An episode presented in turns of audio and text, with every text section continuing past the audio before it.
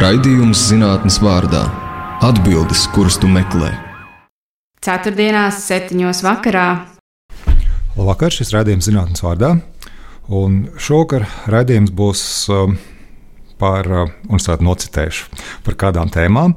Un es uzreiz teikšu, es visu, ko es teikšu, līdz galam nesaprotu, bet tieši tāpēc šovakar būs tas raidījums. Tātad molibdātu un wolframātu lokālās atomārās struktūras ietekme uz to termodinamiskām un magnētiskām īpašībām. Ja? Par šādām tēmām. Un, jā, ko es gan pats tur varētu pastāstīt? Neko daudz, tāpēc šovakar mums ciemos ir Inga Puģa. Labvakar, Inga! Labvakar! Un Inga ir Latvijas Universitātes Cietuvela fizikas institūta uh, eksāfs spektroskopijas laboratorijas pētniece. Tā. Jā. Ko dara spektroskopijas laboratorijā? Un cik es sapratu, ir vairākas spektroskopijas laboratorijas? Jā, mūsu Cietuvela fizikas institūtā ir vairākas laboratorijas, kuru nosaukumā ir spektroskopija minēta. Es strādāju tajā, kas izmanto rentgenstarojumu.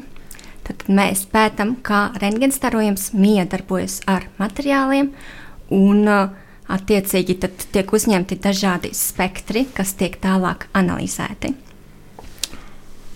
Jā, un, un um, es te noskatījos to vienu video. Nu, ir diezgan daudz citu video ar klausītājiem jāpasaka, ja jūs gribat dzirdēt, kā Inga uh, stāsta par savu darbu laboratorijā. Nu, tad vienkārši YouTube paskatieties kādu no šiem video, un jūs redzēsiet, kā tas viss izskatās. Bet ko īstenībā dara jūsu spektroskopijas laboratorijā? Kas, kas tur īstenībā notiek? Nu, teiksim, tāds parasts ikdienas darbs, kas, ap citu, vainagojās, cik es saprotu, pēdējo gadu laikā ar tādiem ļoti nozīmīgiem panākumiem. Jāsaka, ka mūsu laboratorija nav tipiska laboratorija, jo mūsu galvenos eksperimentus mēs veicam ārzemēs, nevis laboratorijā šeit, Latvijā. Līdz ar to mēs esam spējīgi uh, izmantot uh, tādus uh, sinhronā starojumu centrus, kas ir daļiņu pātrinātāji, kas uh, dod mums šo rengenstarojumu, ko mēs izmantojam pētījumos. Attiecīgi katru gadu, divreiz gadā mēs rakstām projekta pieteikumus, lai iegūtu eksperimentālo laiku, lai veiktu rentgena absorpcijas spektroskopijas eksperimentus. Tad būtiska daļa no jūsu pētījumiem notiek nevis ķēngragā, Daugomalā, ja, kā varētu Jā. domāt, ja, bet uh, kaut kur citās zemēs, citās laboratorijās. Jā, visbiežāk mēs braucam uz Vāciju, uz Hamburgu, mm -hmm. kur ir tāds Petra 3 sinhrotrons, kur attiecīgi mēs uh, iegūstam laiku eksperimentu veikšanai. Parasti tās ir kādas 3, 5 vai pat 7 dienas. Precīzāk, diennaktis, -hmm. kur tad mums ir pieejams augstas intensitātes rentgenstarojums, ku, ar kuru mēs apstarojam dažādus mūsu paraugus. Visbiežāk tie ir pulverveida paraugi, un mēs gribam uzzināt par šiem paraugiem informāciju par to atomāro struktūru. Mm -hmm. Tad kādi atomi ir paraugā, kā tie miedarbojas ar blakus esošiem. Ja es pareizi saprotu, tad apstarošana ar rēnģēnu stariem notika daudz, lai redzētu, kas tur iekšā ir. Nu, tas, kas pirmais nāk prātā, vai ne? Vienam parastam fizikā neiesvaidītam cilvēkam rēnģēns ir sistēma, ja, kura ļauj tev redzēt neredzamo. Bet jūsu gadījumā es saprotu, tas ir savādāk. Ja, tas ir, vai, vai tomēr ne? Tas ir tā, pie doktora droši vien ik viens vai daudz ir uzņēmuši nu, rengenu. Vai, vai vēl muitas lietā, vai ne? Nu, vai vai muitas lietā, jā. Mūsu gadījumā mēs izmantojam arī šo pašu rengenstarojumu, lai redzētu to, ko ar aci nevar redzēt. Tad rengenstarojums, tā viņa garums ir salīdzināms ar atomu izmēriem, starpatomu attālumiem, un tad, attiecīgi izmantojot to, mēs varam uzzināt visu par uh, atomiem un to kaimiņiem mm -hmm. atomārā līmenī. Un uh, es saprotu, ka tas jūsu mērķis jau ir atrast kaut ko praktiski pielietojamu. Ja? Ka, nu, īstenībā tā ir tāda fundamentāla lieta, ko jūs darat, bet ar mērķi kādreiz atrast tam pielietojumu. Mēs fokusējamies tiešām uz tiem fundamentāliem pētījumiem, izprast kādu parādību, atrast kaut kādas korelācijas, likumsakarības, bet tie materiāli, kurus mēs pētām, viņi visbiežāk ir ar kaut kādu praktisku nozīmi, ko, ja ne šodien, tad iespējams kaut kad tuvākā vai tālākā nākotnē varētu implementēt kādos praktiskās ierīcēs. Vai, vai Un jums vienmēr ir zināms, ka, kas tur, kur to varēs likt, jo man nāk prātā tā anekdote, nezinu, vai tā ir patiesībā bijis vai nē, ja, ka Faradējiem prasīja. Uh, tas tālāk Britu premjerministrs uh, sakiet, uh, Faradēja kungs, ko var darīt ar to jūsu elektrisko lauku. Viņš teica, nu es vēl nezinu, bet es esmu pilnīgi pārliecināts, ka pēc gadiem diviem jūs izdomāsiet, kā to nodokļiem aplikt. Ja? Nu, un runa par elektrības ražošanu, tā teikt. Ja? Mūsu gadījumā varbūt ir līdzīgi. Mēs atrodam kādu materiālu, kas mums ieinteresē kaut kādu iemeslu mhm. dēļ. Piemēram, manā disertācijā materiāls, kas maina savu krāsu. Tad jautājums, kāpēc viņš tā dara, un vai mēs varam to modificēt tā, lai uh, materiāls mainītu krāsu mums vēlamā temperatūra diapazonā. Ja mēs mhm. novērojam, ka tas maina krāsu, piemēram, pie 200 Celsija grādiem. Mēs tomēr gribētu praktiskiem pielietojumiem būtu labāk, ja tas mainītu krāsu pie 100 Celsija grādiem. Piemēram, kad ūdens nu, kā, kādi, kādi materiāli šādi maina krāsu? Ja var palūgt jūs pastāstīt drusku vairāk par savu disertāciju.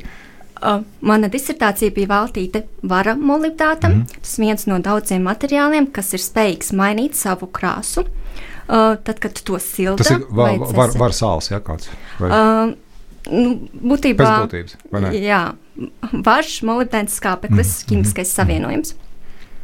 Un, attiecīgi, šajā gadījumā bija interesanti tas, ka tas mainīja savu krāsu no zaļas uz brūnu, gan kad to sildīja, mm -hmm. gan arī kad to cesēja pie ļoti zemām temperatūrām.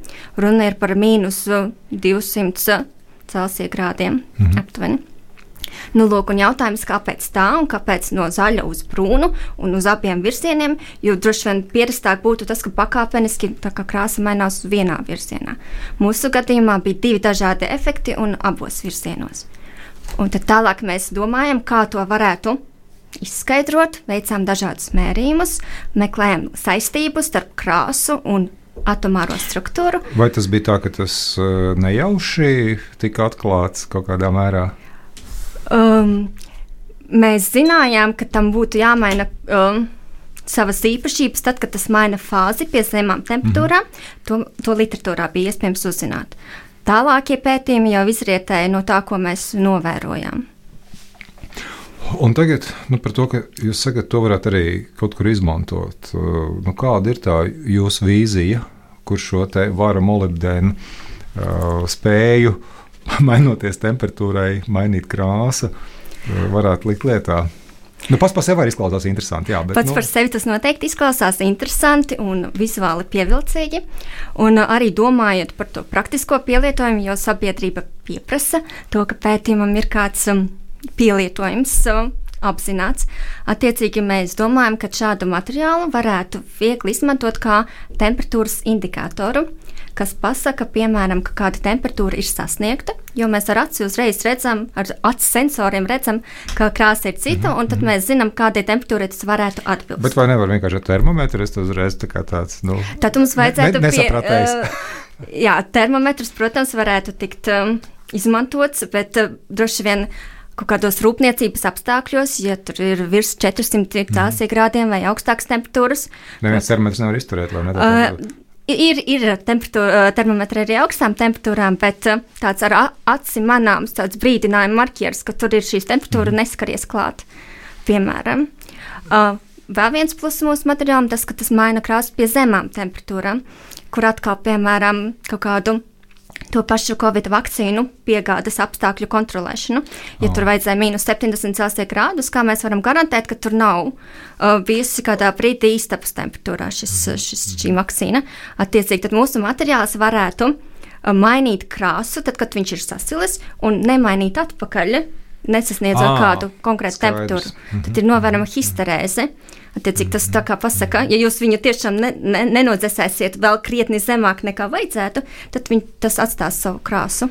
Nu jā, tas, tas būtu tāds, ka tu, kaut kas varbūt noticis, bet uh, tu nevar ar parasto termometru palīdzību, no kas standarta procedūras uh, palīdzību saprast, ja tu visu temperatūras kaut kādu laika nogriezienī temperatūras nepierakstījām. Jā, protams, ir kaut kādi kontrolieri, kas var datēt datus laikā, bet tie atkal ir izmaksas. Mm -hmm. Tiem var beigties baterija vai vēl, vēl, kaut kas. Nu, jā, un, un skaidrs, ka ar molibdēnam baterija laikam neveiksies. Jā.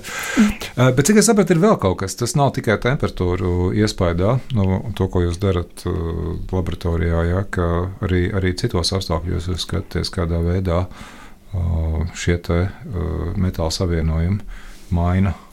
Savu, savu krāsu, struktūru, vai, vai kas ir tas? Pārsvarā mēs analogs? fokusējamies tieši uz struktūrālajām izmaiņām dažādos apstākļos. Var arī pētīt uh, gadījumus, kad materiāls, piemēram, tiek saspiests, mm -hmm. vai kad mainās tā, uh, piemēram, pH šķīdumam, kurā tas materiāls ir, vai nu, kā mainās temperatūra, kas notiek, ja elektriskajā laukā materiālu ievada. Tad, tad apstākļi var tikt mainīti dažādi.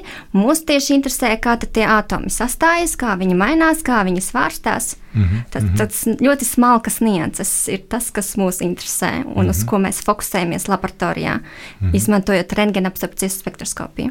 Mm -hmm.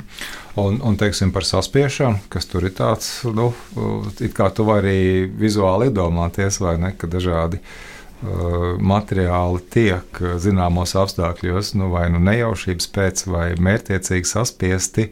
Uh, jā, droši vien, ka tur kaut kā izmainās, bet uh, šī struktūra. E, Jā, tad attiecīgi ir materiāli, kuriem pietiek, jūs ar pirkstu uzspiežat, un tas maina savu struktūru. Mūsu gadījumā vara molibdāts ar nelielu wolframa piemaisījumu ir spējīgs mainīt savu fāzi un arī krāsu, tad, kad viņu vienkārši saspiež ar pirkstu. Mm -hmm. Interesantāk ir pētījumi pie ļoti augstiem spiedieniem, kad tas ar tādiem starp dimantiem ar ļoti mazu saskares laukumu ievieto paraugu un tad spiež pie gigapaskāliem. Ļoti Kā salīdzinoši gigapaskāls, kas varētu būt gigapaskāls? 109. pakāpē tas ir. uh, Nu, dabā to piedzīvot, droši vien nevar. Tā nav tā analogs, būs grūti iedomājams. Uh, man šobrīd prātā nenāk. Nezinu.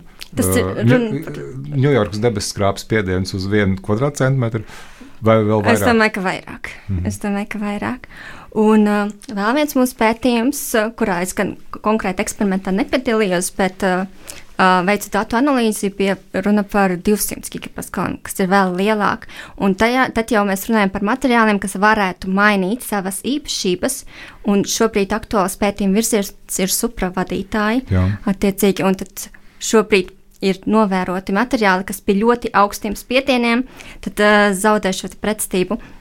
Un, attiecīgi, tad jautājums, vai ir iespējams pie mazāka spiediena iegūt šādus labus materiālus. Kā vispār tāds spiediens? Es saprotu, tas ir paralēlā tēma, bet tomēr kā tehniski tādu spiedienu laboratorijā nodrošina. Tas Uh, arī man šķiet milzīgi interesanti pats par sevi. Jā, Latvijā mums nav šādi, šāda veida šūnas, kurās varētu radīt šādu mm -hmm. spiedienu, bet vispār runa ir par uh, dimanta šūnām, Jā. starp kurām mazā, mazā laukumiņā, starp mm -hmm. pašiem adatu galiņiem tiek no, ieliks paraugs, un mums ir jāspēj mm -hmm. viņu arī apstarot ar to pašu, piemēram, rentgenstarojumu un saņemt signālu atpakaļ. Tad tie ir ļoti smagi Nav, eksperimenti. nav, nav runa teiksim, par kaut kādu sauju uzberu vai ne tur Nē, nē, nē. savienojumu un skatās, kas notiek. Jā, vai, nezinu, vai, vai nozāģē ar zāģīti jā, no uh, lielāka daudzuma. Nē, runa par ļoti smalku mm Mhm. -hmm. fiziku. Mm -hmm.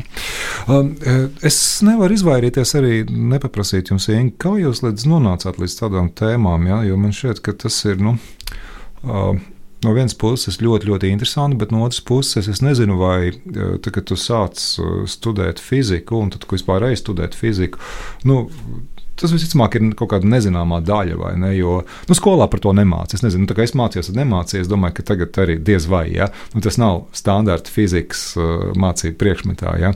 Kā vispār nonākt līdz, līdz šādām tēmām? Kā? Jā, tieši tā. Tas bija tāds nezin, leciens nezināmajā. Es uzsāku studijas fizikas un matemātikas optometrijas fakultātē Latvijas Universitātē. Mm -hmm. Un, um, kā apzinīgs students, jau sāku domāt par to, kur tad es izstrādāšu bakalaura darbu, jo tas likās tāds nākotnē sarežģīts uzdevums. Un bija tieši vakance EXAFS spektroskopijas laboratorijā, oh. kur tad uh, mani uzrunāja un uh, aicināja pieteikties, atnākt, uzzināt, kas tas ir. Man bija zvans mammai, mamma, tu zini, kas ir spektroskopija. Mamma zināja kaut ko par spektroskopiju. Viņa teica, nē, nu, nu spektri ir viņa arī krāsainas lietas. Mamma jūs ar fiziķi ir, jā? Man mamma bija uh, arī fizi ar fizikas un pedagoģijas izglītību. Tad viņa man bija tā kā drošības spilventiņš, ka ja nu man kaut kas Latvi, uh, Latvijas universitātē nesanāks, tad viņa Daugavpilī man mhm. konsultēs mm. pa telefonu. Bet drīz vien sapratu, ka šeit uh, ir cita pasaule un pašai vien būs jātiek galā. Un, uh, tā es spēru pirmos soļus zinātnē, ap spektroskopijas mm -hmm. laboratorijā. Man bija izcili mentori, darba vadītāji, kas uh, izglītoja, parādīja, kas kā mhm. notiek mhm. zinātnē, un uh, radīja vēlmi turpināt darboties un uh, sniegt savu ieguldījumu. Tad jums nebija tas jautājums, kam tas vispār ir vajadzīgs. Nu, zinot, kā kādreiz vai ne kaut kāda fundamentālā zinātne, vai ne, tu īsti nesaproti, kur to visu likt, kāpēc tas vajadzīgs, kā tas notiek. Ja? Pēc jūsu stāstītā man priekšstats ir, ka jums tas daudz maz uzreiz viss kļuva skaidrs un saprotams. Uh, nu man arī interesē tās uh, smalkās likumsakarības, likumsakarības nianses, ko var uzzināt. Uh, Mm -hmm, tas, mm -hmm. tas praktiskais pielietojums eh, dažreiz ir otršķirīgs. Attiecīgi, es gribētu iz, izskaidrot, uzzināt kaut ko par kādu procesu, nevis eh, censties to uzlabot tā, lai es varu veikalā to pārdot. Nu, tas to atstāšu kādam citam. Cik es saprotu, kā, kā bija, ir, tāda skala ja, no, no 0 līdz 10, ja, cik tālu tu vari pielietot tehnoloģiju. Jā, jā, gatavības jā, jā. līmenis. Tad jums, mēs, tad... jums līdz, līdz 2 varbūt ne, vai viens pat? Uh, nu kā nu kurā projektā? kā nu kurā projektā. Dažos ir nepieciešams kaut kas tuvs prototipam, citos ir pietiek ar zinātniskiem publik publikācijām, to, to mm -hmm. novitātes aspektu. Mm -hmm, mm -hmm. Bet uh, es tomēr gribu pavaicāt, jums laboratorijas nosaukumā ir tas uh, EXAFS, tie, tas tā abreviatūra saīsinājums no angļu vārdiem. Ko tas nozīmē? Ja? Jo uh, pašā sarunas sākumā mēs runājam jau arī, ka, ka ir vairākas spektroskopijas laboratorijas Cietuvā fizikas institūtā, nu, ka katra acīm redzot dara kaut ko drusku atšķirīgu. Nu, es tādu neprasu, lai jūs nosauktu katru burtu vai ne, tas varbūt ir pārāk traki, ziniet, kā ikdienā mm, tos, tos saīsinājumus zinātnes lieto, bet kas slēpjas aiz tiem burtiem? Runa ir par rentgena absorpcijas spektru, mm -hmm. un zinātnieku afitu šī abreviatūra ir diezgan zināma. Visi vis saprot. Uh, lielākā daļa cilvēku mm -hmm. saprot, un runa ir par rentgena absorpcijas spektra sīkstruktūru. Mm -hmm. Tad to spektra daļu, kas satura informāciju par kāda absorbējošā elementa, teiksim, vara, molibdēna, uh, tuvāko apkārtni. Uh, tad, tad mēs apstarojam paraugu ar um, konkrētu enerģiju, kas atbilst piemēram varam, un mēs uzzinām visu par vara kaimiņiem. Mhm. Kādos attālumos tie ir, kā tie svārstās, tad kāds ir varbūt struktūras izskropļojums, ja mēs kaut ko mainām. Uh, tālūk. Tad runa ir par spektra daļu, kas satur šo informāciju. Atgādināšu klausītājiem, ka mums ciemos redzējumā zinātnes vārdā šovakar ir Inga Puģa no EXAFS Petroskopijas laboratorijas. Uh, viņa ir pētniece Cietuvela fizikas institūtā. Šis rādījums zinātnes vārdā ir Sīvars Alsters, un uh, šovakar mums ciemos ir Inga Puģa, Cietuvela fizikas institūta pētniece. Un, uh, mēs tātad runājam rādījuma pirmajā daļā par pētījumiem, kādus Inga veids. Tātad, man pat jāpasaka, kuras esmu pierakstījis, kādas veids, zinot, visu nevar no galas atcerēties. Tātad, kādā veidā atomārā struktūra tiek pētīta ar rentgena staru palīdzību. Un es gribu pavaicāt jums, Inga, nu, kā jums pašai šķiet, kas ir tas nu, nozīmīgākais, pie kā jūs šobrīd esat strādājis? Es saprotu, nu, zinu, tā viss tas ir kā banālais teiciens, ka visi bērni mīl vai, ne, vai kaut kā tam līdzīga. Bet nu, tomēr vienmēr jau var atrast kaut ko, kas, kas šķiet nu, tāds, ļoti, ļoti svarīgs. Jo, cik es saprotu, jūs jau diezgan daudz gadus strādājat šajā laboratorijā, sākot no bakalaura studiju beigām, vai ne? Tas droši vien kopā sanāks kādi, nu, nezinu, septiņi, astoņi gadi droši vien. Jā, es uh, uzsāku savas uh, darba gaitas institūtā jau otrajā bakalaura studiju Ah, gadā. Jā, tad vēl ritīgi daudz. Mhm. Tad uh, jau gandrīz 9, 10 gadi Nu, pats rēķina. Mazliet nokļūdījos. Vārds sakot, jā, bakalaura studijas, magistratūra, doktorantūra. Un viennozīmīgi mans lielākais lolojums ir mana doktora disertācija, mm -hmm. kas ir par mu, iepriekš minēto vāra molibdātu.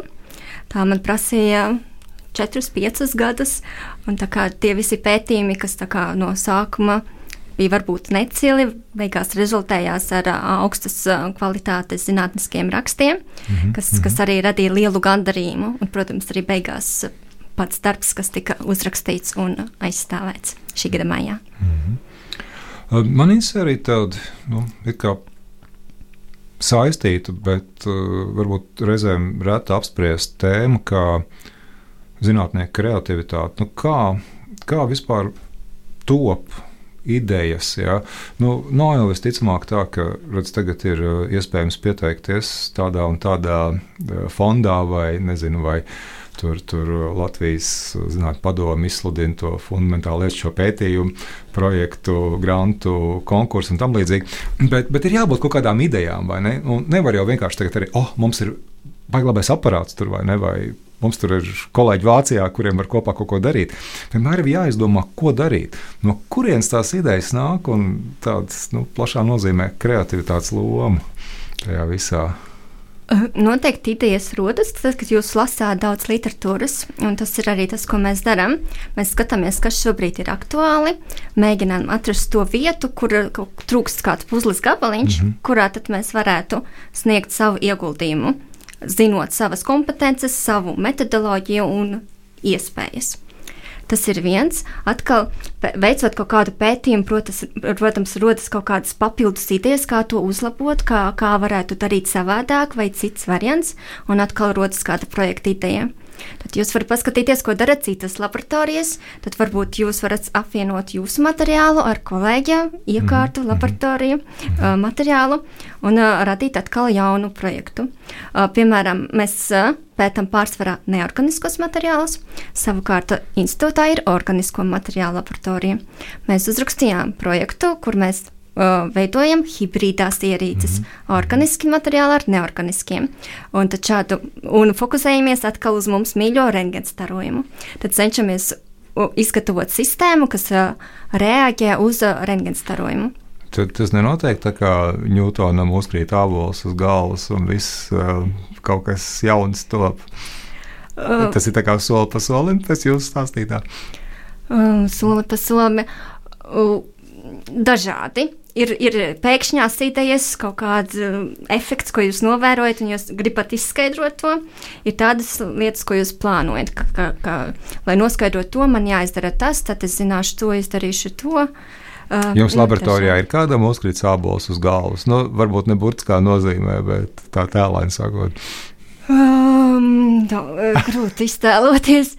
Um, Ne, nu ne, vienkārši noteikti izi- ir kaut kādi pēkšņi. Izi, pēkšņi. iziet, iziet pastaigāties tur gar Daugomalu, cietvēl, fi- pie Cietvēl fizikas institūta, vai ne? Ai- Aiziet līdz, nezinu, līdz uh, Dienvidu tiltam un ir, un nāk atpakaļ ar jaunu ideju.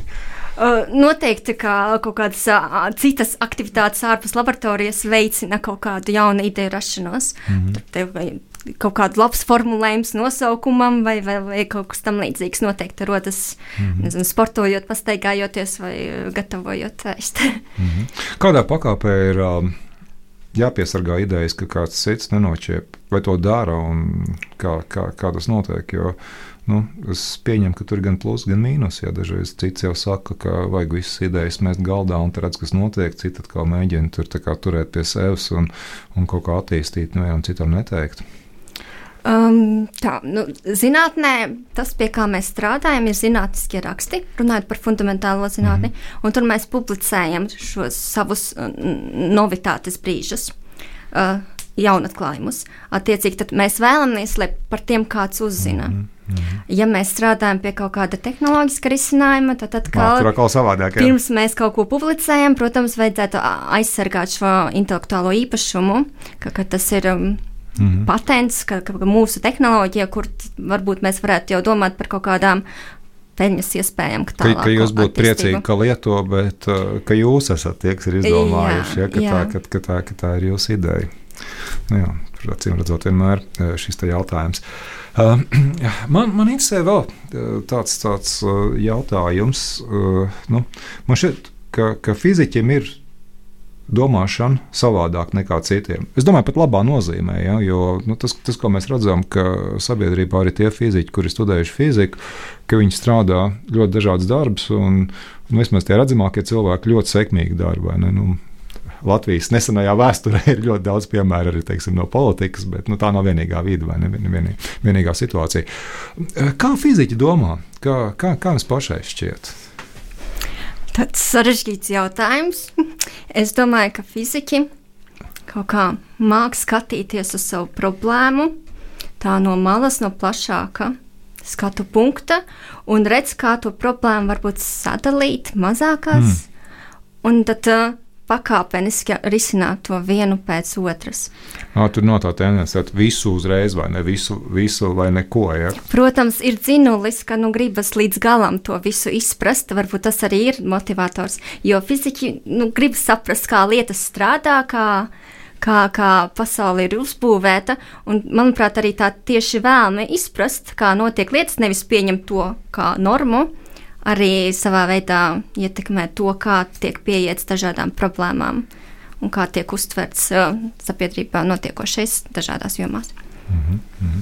Bet, teiksim, tajā problēmas risināšanas gaitā tur arī ir kaut kas, nu, viena lieta, ka jūs teicāt, kas atdala par kaut kādām sīkākām daļām, bet uh, nu, nu, man, atkal, man atkal šķiet ļoti svarīgs jautājums. No kurienes dabūt kaut kādas risinājuma idejas? Es, es pieņemu, ka, ka fizikā uh, tajā, kā tu domā, laboratorijā, nezinu, kādā veidā tu kaut ko meklē, nu, tas uh, varbūt arī palīdz uh, tas risināt. Noteikti tas, ka laboratorijā nepieciešams um, izdomāt, kā pārbaudīt savu hipotēzi, kā mm. realizēt eksperimentu. Tad, tad viss pētījums sastāv no ļoti daudz dažādiem posmiem, kur katrā ir kaut, kāds, kaut kas jāatrisina kaut kādas problēmiņas. Un tad, studējot fiziku, arī nāks saskarties ar daudz laboratorijas darbiem, ar daudziem matemātiskiem problēmām. Un es domāju, ka tas ir ļoti labs treniņš, kā attīstīt savu domāšanu šo studiju gadu laikā, kā students, un pēc tam, protams, strādājot un darbojoties zinātnē. Tu būtu fiziķis kā inženieris kaut kādā mērā. Uh, ir arī inženieru daļa, ir arī tā fundamentālā fizikas daļa. Un būtībā pētnieks, zinātnieks ir tāds plaša profila speciālists. Viņš ir arī rakstnieks un mākslinieks tajā pašā laikā, jo tas pētījums ir jāprezentē un, un jāpasniedz gan zinātnieku sabiedrībai, gan, gan um, arī uh, citiem cilvēkiem. Mm. Um, jādomā, lai, lai saprastu, kas notiek Cietuvēlā fizikas institūtā. Tas ir nu, jā, jā, jāpadara šīs lietas saprotamas.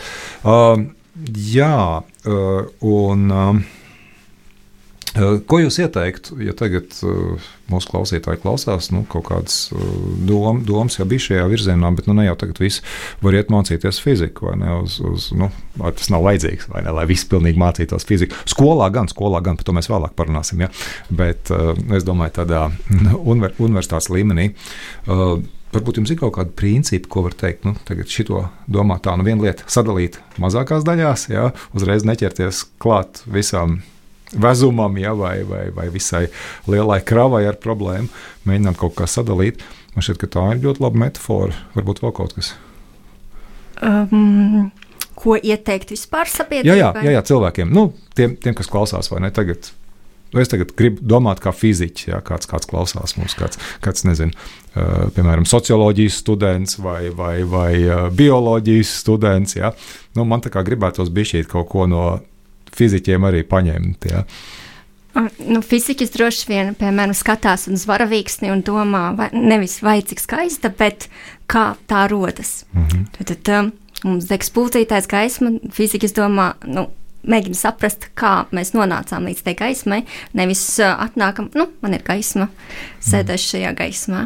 Attiecīgi, mēģināt izprast tos uh, procesus, tās tehnoloģijas, kas ļauj mums dzīvot tā, kā mēs šobrīd uh, dzīvojam.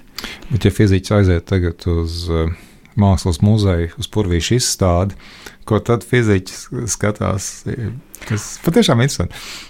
Varētu sākt domāt, ka varētu pētīt, kādas krāsas tiek lietotas, jā, no kādiem jā, materiāliem, jā. kas dod sarkano pigmentu, kas dod zeltaino pigmentu. Vai arī varbūt padomāt, nezinu, tādā tā kā eksperimentu vai ne. Nu, ja šito gleznu uzgleznot citā toņkārtā, vai tāpat to uztvert? Vai gaismas frekvenci? jā, dažādos apgaismojumos arī mēs redzam dažādi, mazliet dažādi. Mm -hmm. Nu, katrā ziņā fiziķis cenšas izprast to, kas viņam ir apkārt, un, un nevis pieņemt to kā normu. Tas padara dzīvi krāsaināku un izzinošāku. Es, ne, es nesen lasīju vienu eh, atreferējumu par vienu eh, cilvēku uzvedības pētījumu, kur uh, atskaņoja, nu, bija tā kā koncerts, ja cilvēki dejoja, tā elektroniskā muzika.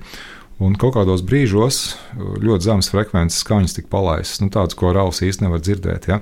Un, un tas, ko novērojumi rādīja, ka tajā brīdī publika būtiski vairāk kustējās, vairāk dejoja. Ja? Tas tāds, uh, man šeit arī savā ziņā uh, fiziķa pieejams. Vai uh, mēs varam arī kaut ko tādu, ko ar nu, uh, mūsu uh, uztveres aparātu, ja, ar mūsu sensoru sistēmu vispār nevar uztvert, bet tas neatstāja iespēju uz cilvēku uzvedību. Man, man īstenībā tas ļoti, ļoti patīk. Tas tā pētījuma apraksts, ja tur ir kā cilvēku uzvedības pētnieki, bet uh, tāpat laikā tur tā būtiskā fizikas daļa. Jā. Noteikti šāds pētījums ir interesants. Radījums Zēnas vārdā turpinās. Ivars Alsters vada šo raidījumu šoreiz, un um, Inga Puģa, uh, Latvijas Universitātes Cietuvēl fizikas institūta EXAF elektroskopijas laboratorijas pētniece, ir uh, viesos uh, pie mums šovakar. Mēs uh, diezgan uh, daudz jautājumus uh, esam apsprieduši, bet uh, man interesē arī tāds, nu, ideālais, jautā, ideālais pētījums no jūsu viedokļa. Nu, teiksim, kas ir tas, ko jūs gribētu nu, kaut kādā pārskatāmā laika posmā paveikt? Ja, nu, teiksim, nezinu, ja paveiktos desmit gadu laikā, ja būtu pietiekami uh, liels finansējums, uh, ko varētu darīt, uh, kas, kas būtu tas interesantais virziens, kurā varētu doties. Nu, skaidrs, tas var būt tā pašā spektroskopijas laboratorijā, tas var būt citur, bet nu, tā, pafantazējot. Mm tik tālas fantāzijas. Es patiesībā Labi, tuvās fantāzijas. Tad sadalīsim divās daļās. Teiksim, divu gadu laikā, uh, nu, kas droši vien ir tāds uh, puslīdz realistisks, ja nu, mēs jau cenšamies domāt kaut kādus pāris gadus uz priekšu. Ja nu nepārtraukti, ja ne katru dienu, nu, tad uh, reiz pa reizei. Vispārīgi runājot, domājot par ideālu pētījumu, es saprotu tādu, manā gadījumā, ka ir iegūti, uh, ir piemēram sintēzēts kāds interesants materiāls, ar labām īpašībām kādam pielietojumam, tad ir iegūti eksperimentālie dati, kas pamato kādu īpašību, un tad ir veikti teorētiski aprēķini, kas vēl apstiprina mm -hmm. iegūtos eksperimentus. Tad jūs no datus. sākuma taisat uh, eksperimentu, uh, un pēc tam teorētiski rēķinat. Uh, nevis, nevis teiksim, jūs tagad iztaisat teorētisko modeli, un tad mēģināt uh, saprast, vai tas teorētiskais modelis laboratorijā apstiprinās vai nē. Abējādi patiesībā ir. ir uh, rengenabsorpcijas spektri, kurus mēs cenšamies modelēt teorētiski, lai iegūtu šo trīsdimensionālo struktūras modeli, mm -hmm. kurā tad mēs varam rēķināt sev interesējošos parametrus. Jo no eksperimentālās līnijas tā īsti neko nevar pateikt bez datu analīzes. Jo, jo, jo, jo, kāpēc, kāpēc tas mans jautājums? Man šķiet, ka jūsu gadījumā jau ir diezgan. Nu, daudz iespēju, lai neteiktu, ka tur gandrīz bezgalīgs iespējas. Tu kaut ko dari vai ne, to atklāji. Nu, un, un, uh, un varbūt dažreiz neatklāja neko, uh, veicot nu, tādas uh, eksperimentālas darbības, ja, jo, jo nu, no visa gandrīz bezgalīgā iespēja skaita nu, kaut kādai idejai jau jābūt sākotnēji. Vai, vai man nav taisnība? Uh, nē, noteikti mēs uh, pētām kaut kādas likumsakarības, kā materiāls maina savas, savu struktūru atkarībā no temperatūras. Daž, dažreiz mēs sagaidām kaut kādas būtiskas izmaiņas, citreiz mēs sagaidām, ka būs vienkārši evolūcija, mm -hmm. mazliet uh, mainās atomu svārstības. Nu, jūs, teiksim, jūs darat kaut ko, kas jau ir zināms, un tad vienkārši drusku pieliekat klāt kaut kā tā. Jā. Uh, jā, fundamentālos pētījumos tā arī ir, ka mēs mēģinām aizpildīt to tukšo mm -hmm. lauciņu, kas vēl nav zināms. Nu, kā jūs iepriekš teicāt, vai ne ir kaut kāda puzle gandrīz salikta, bet nu, tad ir kaut kādas pāris vietas, vai ne, kur nevar saprast, ko likt, ko darīt, un tad jūs mēģināt saprast. Uh, jā, notiek. vai arī apstiprināt mm -hmm. kādu mm -hmm. citu pētījumu. Attiecīgi, tad. Um, Uh, nevar zināt, kas sanāks. Iepriekš var teorētiski varbūt sarēķināt un zināt, ka pie 100 Celsija grādiem man jāsagaida šādas izmaiņas. Tad eksperimentā mēs varam pārbaudīt, tā būs vai nebūs. Atkal uh, pēc tam mēs varam uztaisīt eksperimentu novērot to, ko mēs teorētiski neparedzējām. Tātad kā rodas uh, idejas nākamajiem skaidrojumiem, mhm, kāpēc mm -hmm. tas tā ir noticis. Un, um, Protams, ir lieliski, ja pēc tam mēs varam domāt arī par, par kaut kādiem praktiskiem pielietojumiem. Tas arī tiek ņemts vērā projektu pieteikumos. Un, attiecīgi, mēs cenšamies izvēlēties tādus materiālus, kur mēs redzam, ka ir kaut kāds potenciāls tikt uh, izmantotam kaut kur praktiski, vai tiek uzlabotas uh, kādas īpašības, ja mm mēs kaut ko modificēsim, kas vēl nav darīts. Tad ir tā zinātniskā novitāte. Un uh, runājot par to, ko mēs plānojam tuvākā, tālākā nākotnē, protams, laboratorija paliek tā pati. Mēs fokusējamies uz rengenapsapcijas spektroskopiju. Jautājums, kādus materiālus mēs pētīsim. Un tas, protams, atkarīgs no iegūtā finansējuma. Mm. nu, bet, jā, ja tagad, nu, pieņemsim, es, es nezinu, cik uh, ir, ir labs finansējums nu, teiksim, uh, vienam tādam nu, gada griezumā, nezinu, pāris miljonu. Tas būtu labs. Uh, Tas būtu labs uh, Latvijai. Latvijā nav šāds uh, finansējums. Uh, teiksim, fundamentālie un lietiskie pētījumi ir uh, 3000 uz trīs gadiem. Tā kā vienam projektam, Jā. kas parasti ir uh, viens no diviem vai viens no trim projektiem, pie kā strādā viens zinātnieks. Attiecīgi, zinātnē šobrīd ir tā, ka vienam zinātniekam jāfokusējas tomēr uz mm -hmm. vairākiem paralēliem mm -hmm. projektiem. Uh, uh, lai būtu atbilstošs finansējums. 300 tūkstoši laikam gan bija. Tur, 300 tūkstoši. Jā. Trīs, trīs jūs teicāt, es, es uh,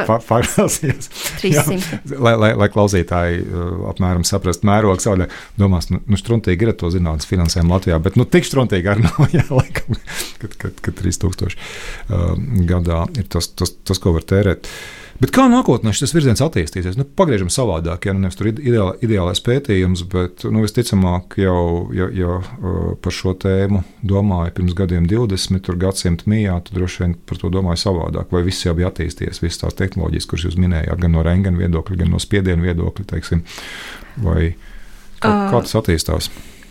Jāsaka, ka līdz šim sinhrotroni Un šīs pētījuma metodes būtiski ir attīstījušās laika gaitā, mm. gan runājot par starojuma avotiem, gan par detektoriem. Uh, ir plānots, ka tehnoloģija turpina attīstīties un sinhrotroni tiek pārbūvēti mm -hmm. tā, lai iegūtu augstāku jaudu starojumam, lai varētu safokusēt šo starojumu mazākā laukumā, lai pētītu mazākus objektus, nanodaļiņas un tam līdzīgi. Uh, Uh, problēma ir par pasaulē notiekušo situāciju, ka, ka, lai šobrīd pārbūvētu tādus milzīgus zinātniskos centrus, mm -hmm. uh, nepieciešami gan uh, būvmateriāli. Tas, tas ir ieguldījums uz uh, daudziem gadu desmitiem īstenībā, ja, ka, ka šāds centrs stājas, jā, tad iespējams tas arī kaut kādā brīdī ir tā kā nu, attīstības priekšnosacījums, bet uh, tur var pienākt brīdis, kad tas bremzē, nu, ka vajadzētu kaut ko citu taisīt, bet tur baigi daudz ieguldīt. Jā, tie ir ārkārtīgi dārgi, miljardus mhm. vērti zinātniskie centri, tāpēc tie ir pieejami Eiropai, visai pasaulē. Un tad uh, tie, kas dod finansējumu, tad arī rēķinās, ka, ka tas būs viens centrs uz, uz reģionu, un mēs varam pieteikties šiem uh, eksperimentiem šajos zinātniskajos centros. Uh, un, un veikt ārkārtīgi dārgus uh, eksperimentus, par kuriem mums uh, patiesībā nav jāmaksā. To apmaksā tad, uh, Eiropas konsorcijas. Mm. Nu, pēc gadiem desmit tātad, es tomēr spiežu šo jautājumu. Tas pamazs ir jās, jāstāsta lielākā laika posmā. Pēc desmit gadiem viss būs daudz maz tāpat kā šodien. Es ceru, ka mēs sāksim izmantot ne tikai sinhrono starojumu, bet arī brīvo elektronu lāzerus, kas ir arī fokusēts. Ko, ko, ko tas nozīmē? Uz, tad pastāstiet. Uh, tad, tad, um, arī rentgenstarojuma avoti ar vēl lielāku starojuma intensitāti, kas ļauj pētīt um, uh, arī. Vēl kaut ko mazāku mērogu padarīt, saprotamāku, lielāku. Jā, var pētīt dažādus procesus laikā, jo mēs ierosinām kaut kādu procesu, un mēs varam skatīties, kā laikā notiek kāda ķīmiskā reakcija, kā struktūra uh, relaksējas, kā tā mainās uzreiz pēc kāda smalka impulsa. Mm -hmm. Jo mēs varam pievadīt ļoti īsu, augstas intensitātes impulsu savam objektam. Jāsaka, ka šā, runājot par brīvo elektronu lāzeru, mēs uzreiz iznīcinām to savu pētāmo objektu, tāpēc ir jānodrošina, ka mēs varam cirkulēt savu materiālu un uh, uzņemt daudz kadrus. Uh, ļoti īsos impulsos, un, un tad pētīt kaut kādus procesus, ķīmiskās reakcijas, kaut kādu katalīzi vai, vai kaut ko citu. Mm -hmm. Tas tāds uh, skats uz nākotni, ko mēs uh, skatāmies, ka mēs arī varētu iet šajā virzienā, jo Latvijā neviens to vēl nedara. Jā, ja vēl būs uh, raidījums uh, zinātnes vārdā pēc gadiem 15, jā, tad būtu ļoti interesanti, ka jūs varētu retrospektīvi pasāstīt. Bet es domāju, ka pa vidu vēl pāris reizes jums noteikti vajadzēs atnākt uz raidījumu zinātnes vārdā.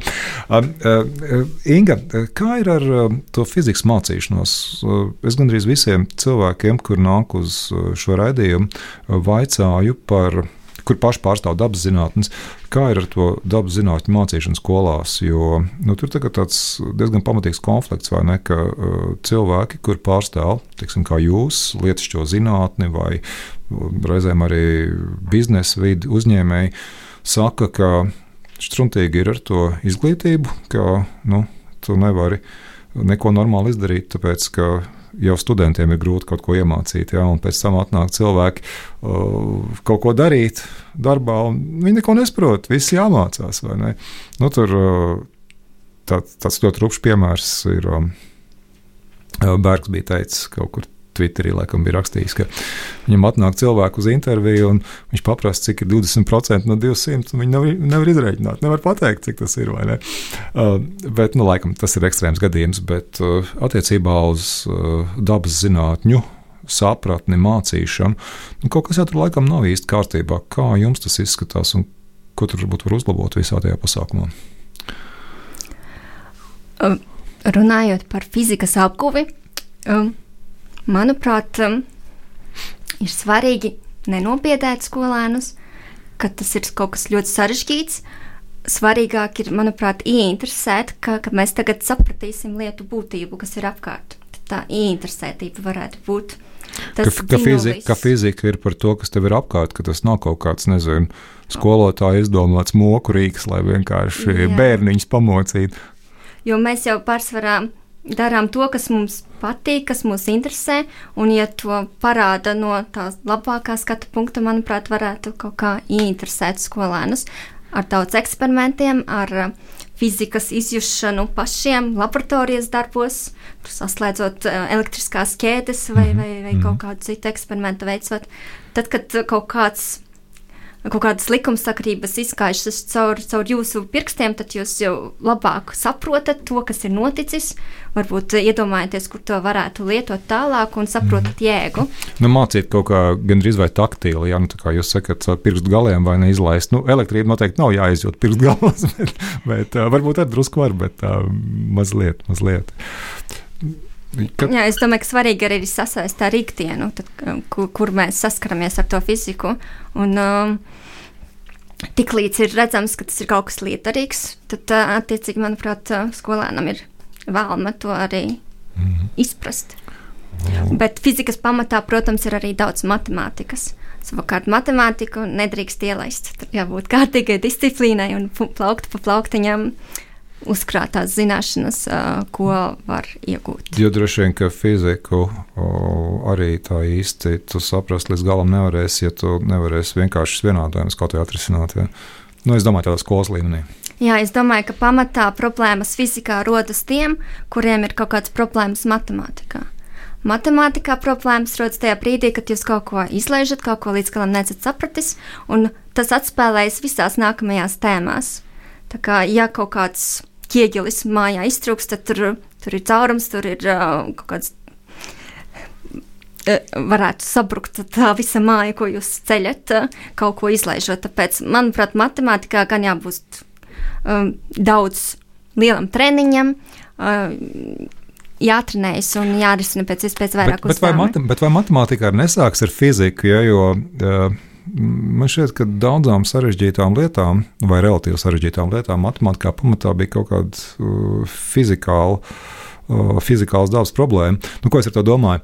Nu, teiksim, uh, uh man skolā ka mācīja matemātiku, ja tur viss uh, diferenciāli vienādojums un tur kaut kādas robežu teorēmas un kaut kādas tādas lietas. Viņas mācīja tā, kā viņas būtu nu, pašas par sevi. Nu, vienkārši nu, tagad parisināsim. Ja? Uh, bet uh, salīdzinoši nesen uh, es uh, skatījos vienu video, kur viens labs pasniedzējs no kādas Amerikas universitātes stāstīja par uh, šīm robežu uh, teorēm, lietām. Un, un, un, nu, pagaid, nu, Kāpēc, kāpēc tas vispār ir vajadzīgs? Ja? Viņš, viņš paņem bumbiņu un met un saka, un tagad apraksta šīs bumbiņas kustībā. Neteiksim, es gribu saprast to brīdi, kad bumbiņa ir pašā augšā. Es jau viņu īsti nevaru noķert, vai ne? Man vajag maksimāli pietuvoties. Un, ja šī tā pastāsta, Tad jau es uz to skatos savādāk. Nevis, ka man vienkārši tagad atnāk uh, stundā skolotāja un kaut ko raksta uz tāfeles, vai ne? Tur kaut kāds tagad risināsim šo oh, ārprāts, cik sarežģīti, vai ne? Klasē varbūt diviem pielec, vai ne? No sākuma uzreiz tas. Es vienkārši tādu retrospektīvu stāstu. Tā kā man šķiet, ka tur arī ir fizika, ja, ka tur var arī likt lietā uh, fizikas piemērus, lai vispār ieinteresētajā matemātikā. Noteikti tas tāds apusējs process, bet uh, zināms, ka skolā viss sākas, protams, ar matemātikas apguvi un tikai 7. un 8. klasē nu jā, parādās nu jā. fizika. Mm -hmm. Mm. Un uh, par robežu teorēmām tas jau, es nezinu, vai to mācās šobrīd vidusskolā, drīzāk augstskolā. Nu, es jau pārāk vecs esmu. Manā laikā tur bija šķiet kaut ko mācīt. Tagad, laikam, Jā, vēl viena lieta ir tās prasības, ko mēs prasam. Attiecīgi, ja eksāmenu nokārtot, tur izpildot tikai dažas procentus no, no, no simts, mm -hmm. tad uh, par ko mēs domājam, par kādiem speciālistiem mēs domājam nākotnē. Es domāju, ka latiņai tomēr jābūt gana augstai arī skolas līmenī. Mums raidījuma laiks iet uz beigām. Es atgādināšu, ka Inga Puģa no Latvijas Universitātes Ietuvā fizikas institūta eksāfs Petroskopijas laboratorijas. Uh, šovakar mums uh, vēl aizvien ir vēl nevar teikt, bija ciemos uh, tātad, šīs laboratorijas pētniece. Es gribu palūgt jums beigās vienu teikumu.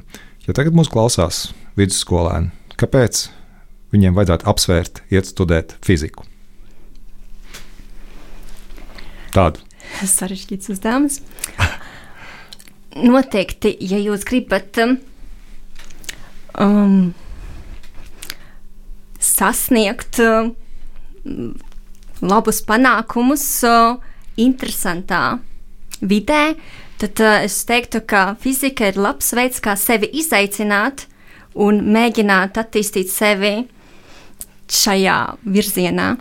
Jo jūs noteikti iegūsiet daudz, pat ja tas būs grūti, jūs būsiet daudz ko iemācījušies un sapratuši, vai tas ir jums, vai tas nav jums, un zināsiet, ko tālāk iesākt. Paldies, Inga!